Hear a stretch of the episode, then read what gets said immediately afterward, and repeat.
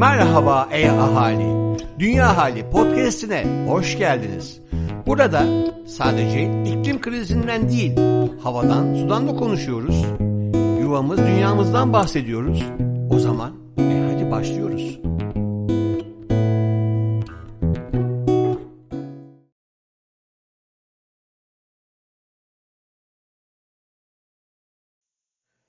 Merhaba dostlar, ben Levent Kurnaz.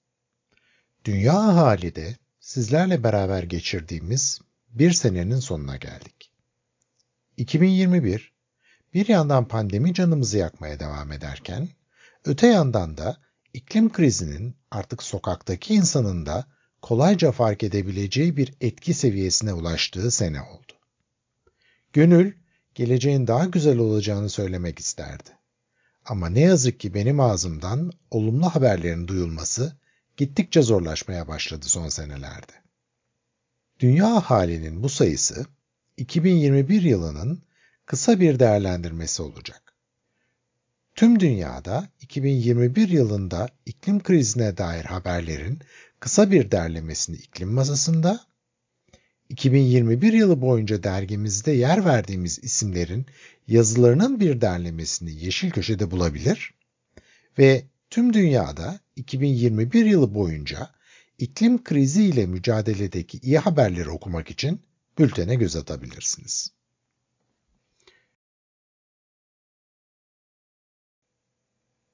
Toplumsal olarak 2021 pandemi ve ekonomik çalkantılarla geçti. Ama çevresel açıdan bakıldığında 2021 artık inanmaya başladığımız yıl oldu. Bu seneye kadar çoğunluğu iklim değişikliğinin varlığına inandırmaya çalışıyorduk. Ama bu sene gerçekleşen olaylar yaşamakta olduğumuz felaketlerin doğal olmadığını bize gösterdi. Bu felaketlerin nedenlerini ve daha kötüleşmelerini engellemek için neler yapılması gerektiğini hala tam olarak kavramış değiliz.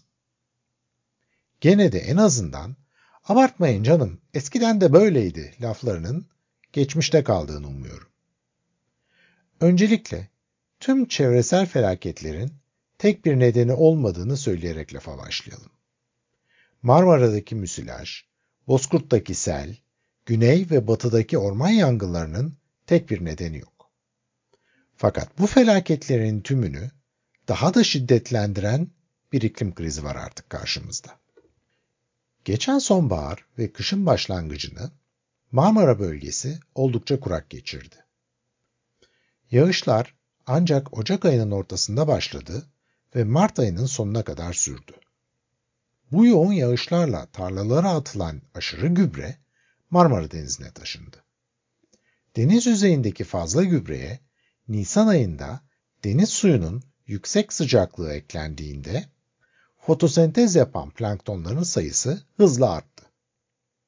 Üstüne bir de havanın nispeten sakin ve rüzgarsız olması da yardımcı olunca bu planktonlar yer yer kalın bir katman oluşturdular. Daha önce pek de alışık olmadığımız müsilaj adında bir kavramla karşılaştık. Elbette Marmara Denizi'nin yapısı bu sorunda etkiliydi. Elbette denize boşalan atık sular müsilajın oluşmasına katkıda bulundu ve elbette Ergene'den aktarılan pis sular bu problemi arttırdı. Ama dediğim gibi bu problemler geçmişte de vardı ve iklim krizi bu problemlerin bir eşiği aşarak kriz haline dönüşmesine neden oldu.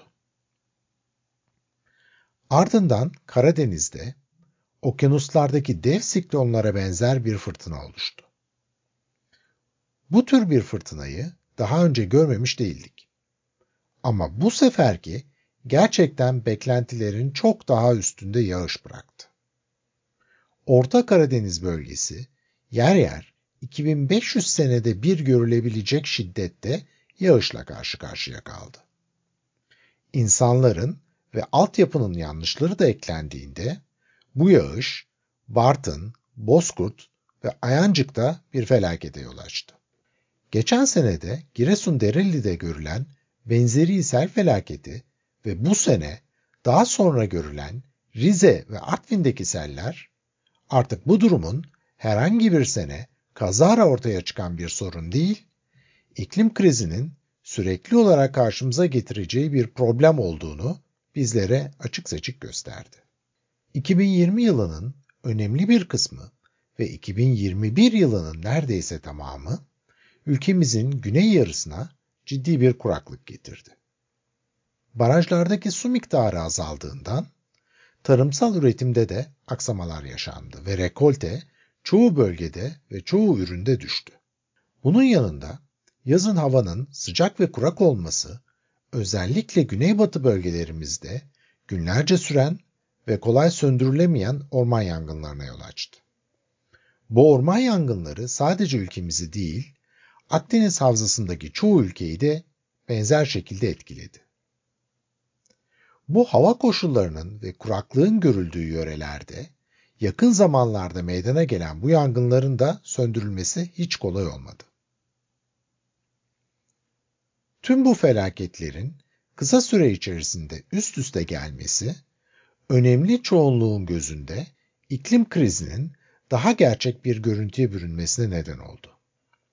Sebepleri henüz çoğunluğun kafasında tam olarak yerine oturmamış olsa da bir şeylerin değişmiş olduğu ve artık eski, güzel günlere dönmek yerine gittikçe kötüleştiği de artık kabullenilmeye başlandı. Devletimiz de benzer şekilde iklim krizini ve ülkemizin bu politikada oynaması gereken rolü bu sene içerisinde kavramaya başladı.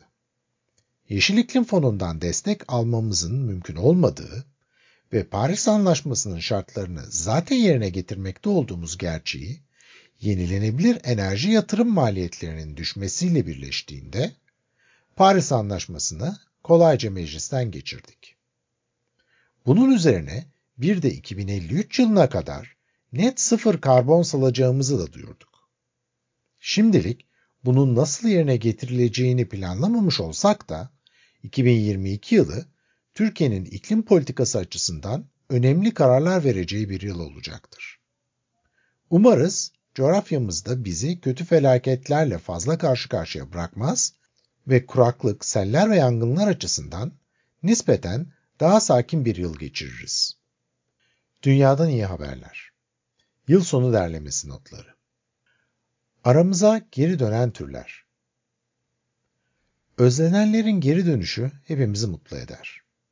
2021 bu hissi bolca yaşadığımız bir yıl oldu.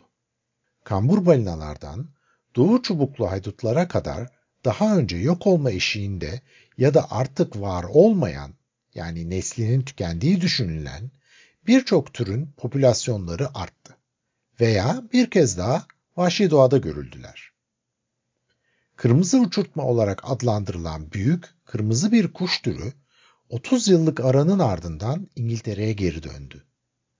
Hala koruma altında olsa da Çin'in dev pandası uzun süren detaylı çalışmalar ardından artık tehlikede değil. Hatta şu andaki popülasyonu 1800 civarında. Kambur balinalar ise süre gelen okyanus asidifikasyonu ve plastik kirliliğine rağmen şaşırtıcı bir geri dönüş yaptı. 20. yüzyılın ortalarında neredeyse yok olmalarının ardından günümüzde 1830'daki popülasyon oranının %93'üne denk şekilde iyileşme kaydedildi. Araştırmalar 2030 yılına dek bu balinaların nüfusunun tamamen iyileşebileceğini gösteriyor. Doğu çubuklu haydut ise 30 yıllık koruma çalışmaları sonucunda 150'den 1500'e çıkan popülasyonu ile neslinin tükenmesi eşiğinden kurtulmuş oldu.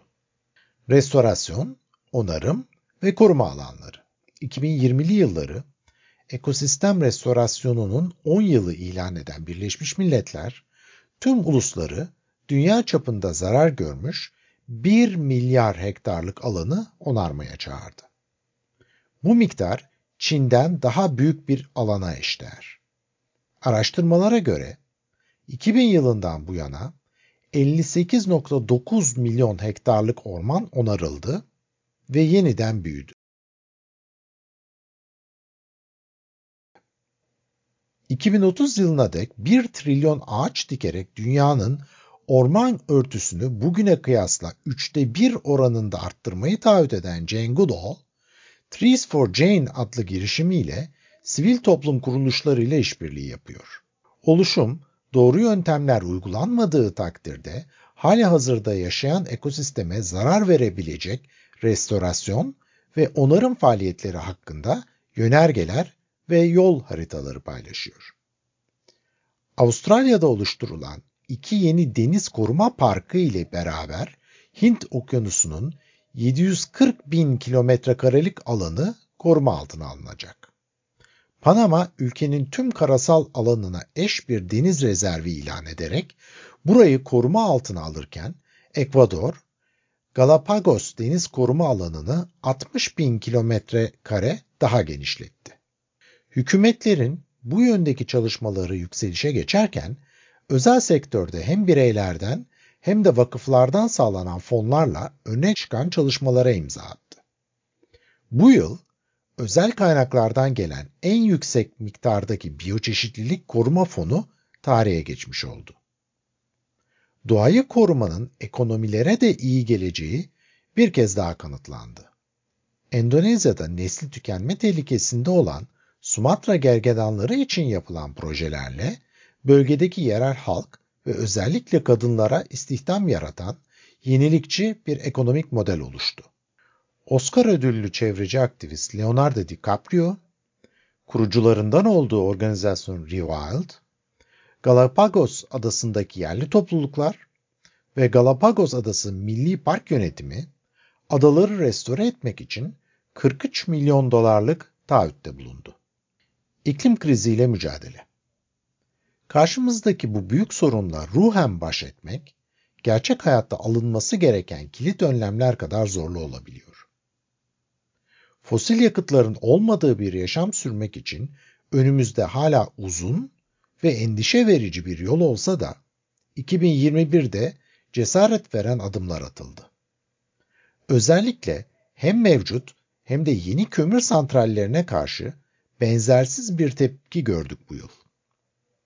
Yakın tarihli bir araştırmaya göre 2015'te imzalanan Paris Anlaşması'ndan bu yana yeni kömür santrallerinin %75'i durduruldu veya tamamen terk edildi.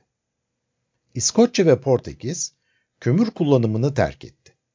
Almanya ise 2038 olarak planlanan çıkış tarihini 2030'a çekti. COP26'da 133 ülke tarafından orman ve arazi kullanımı bildirgesi imzalandı. İmzacı ülkelerin küresel orman örtüsünün %90'ına sahip olduğu bildirgeyle sürdürülebilir kalkınma, kapsayıcı kırsal dönüşüm ve arazi bozulmasını 2030'a dek durdurmak, hatta tersine çevirmek hedefleniyor. 2021, kargo taşımacılığının iklim dostu yollarla gerçekleşmeye başladığı yıl oldu. Dünyanın ilk tam elektrikli kargo gemisi Norveç'te kullanılmaya başlandı. Yenilenebilir enerji sektöründeki istihdam, geçen yıl bir önceki yıla göre 500 bin artarak 12 milyona yükseldi. İtalya, bölgedeki ekosisteme zarar verdiği gerekçesiyle Venedik'e büyük gemi girişlerini yasaklarken, Grönland, iklim krizi ve diğer çevresel olumsuz etkileri neden göstererek yeni petrol ve doğal gaz yatırımlarını durdurduğunu duyurdu.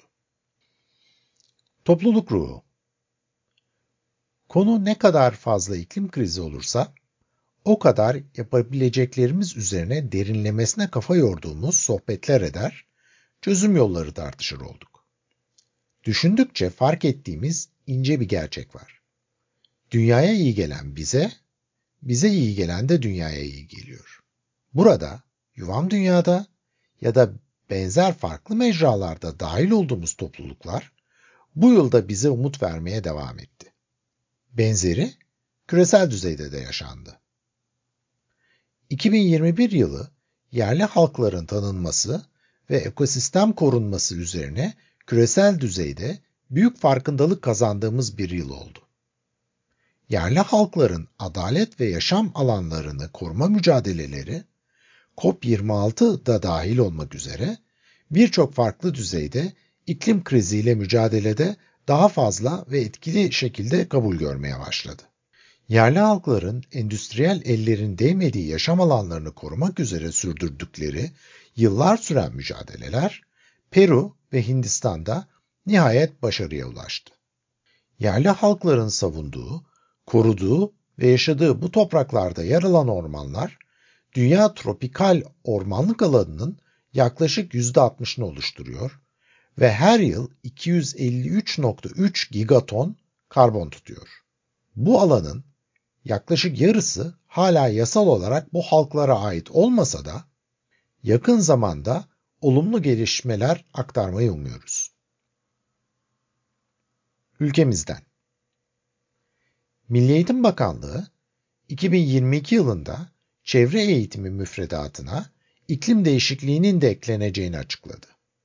Türkiye, Paris Anlaşması'nı onayladı ve COP26'da 2053 yılında net sıfır olma taahhüdünü açıkladı.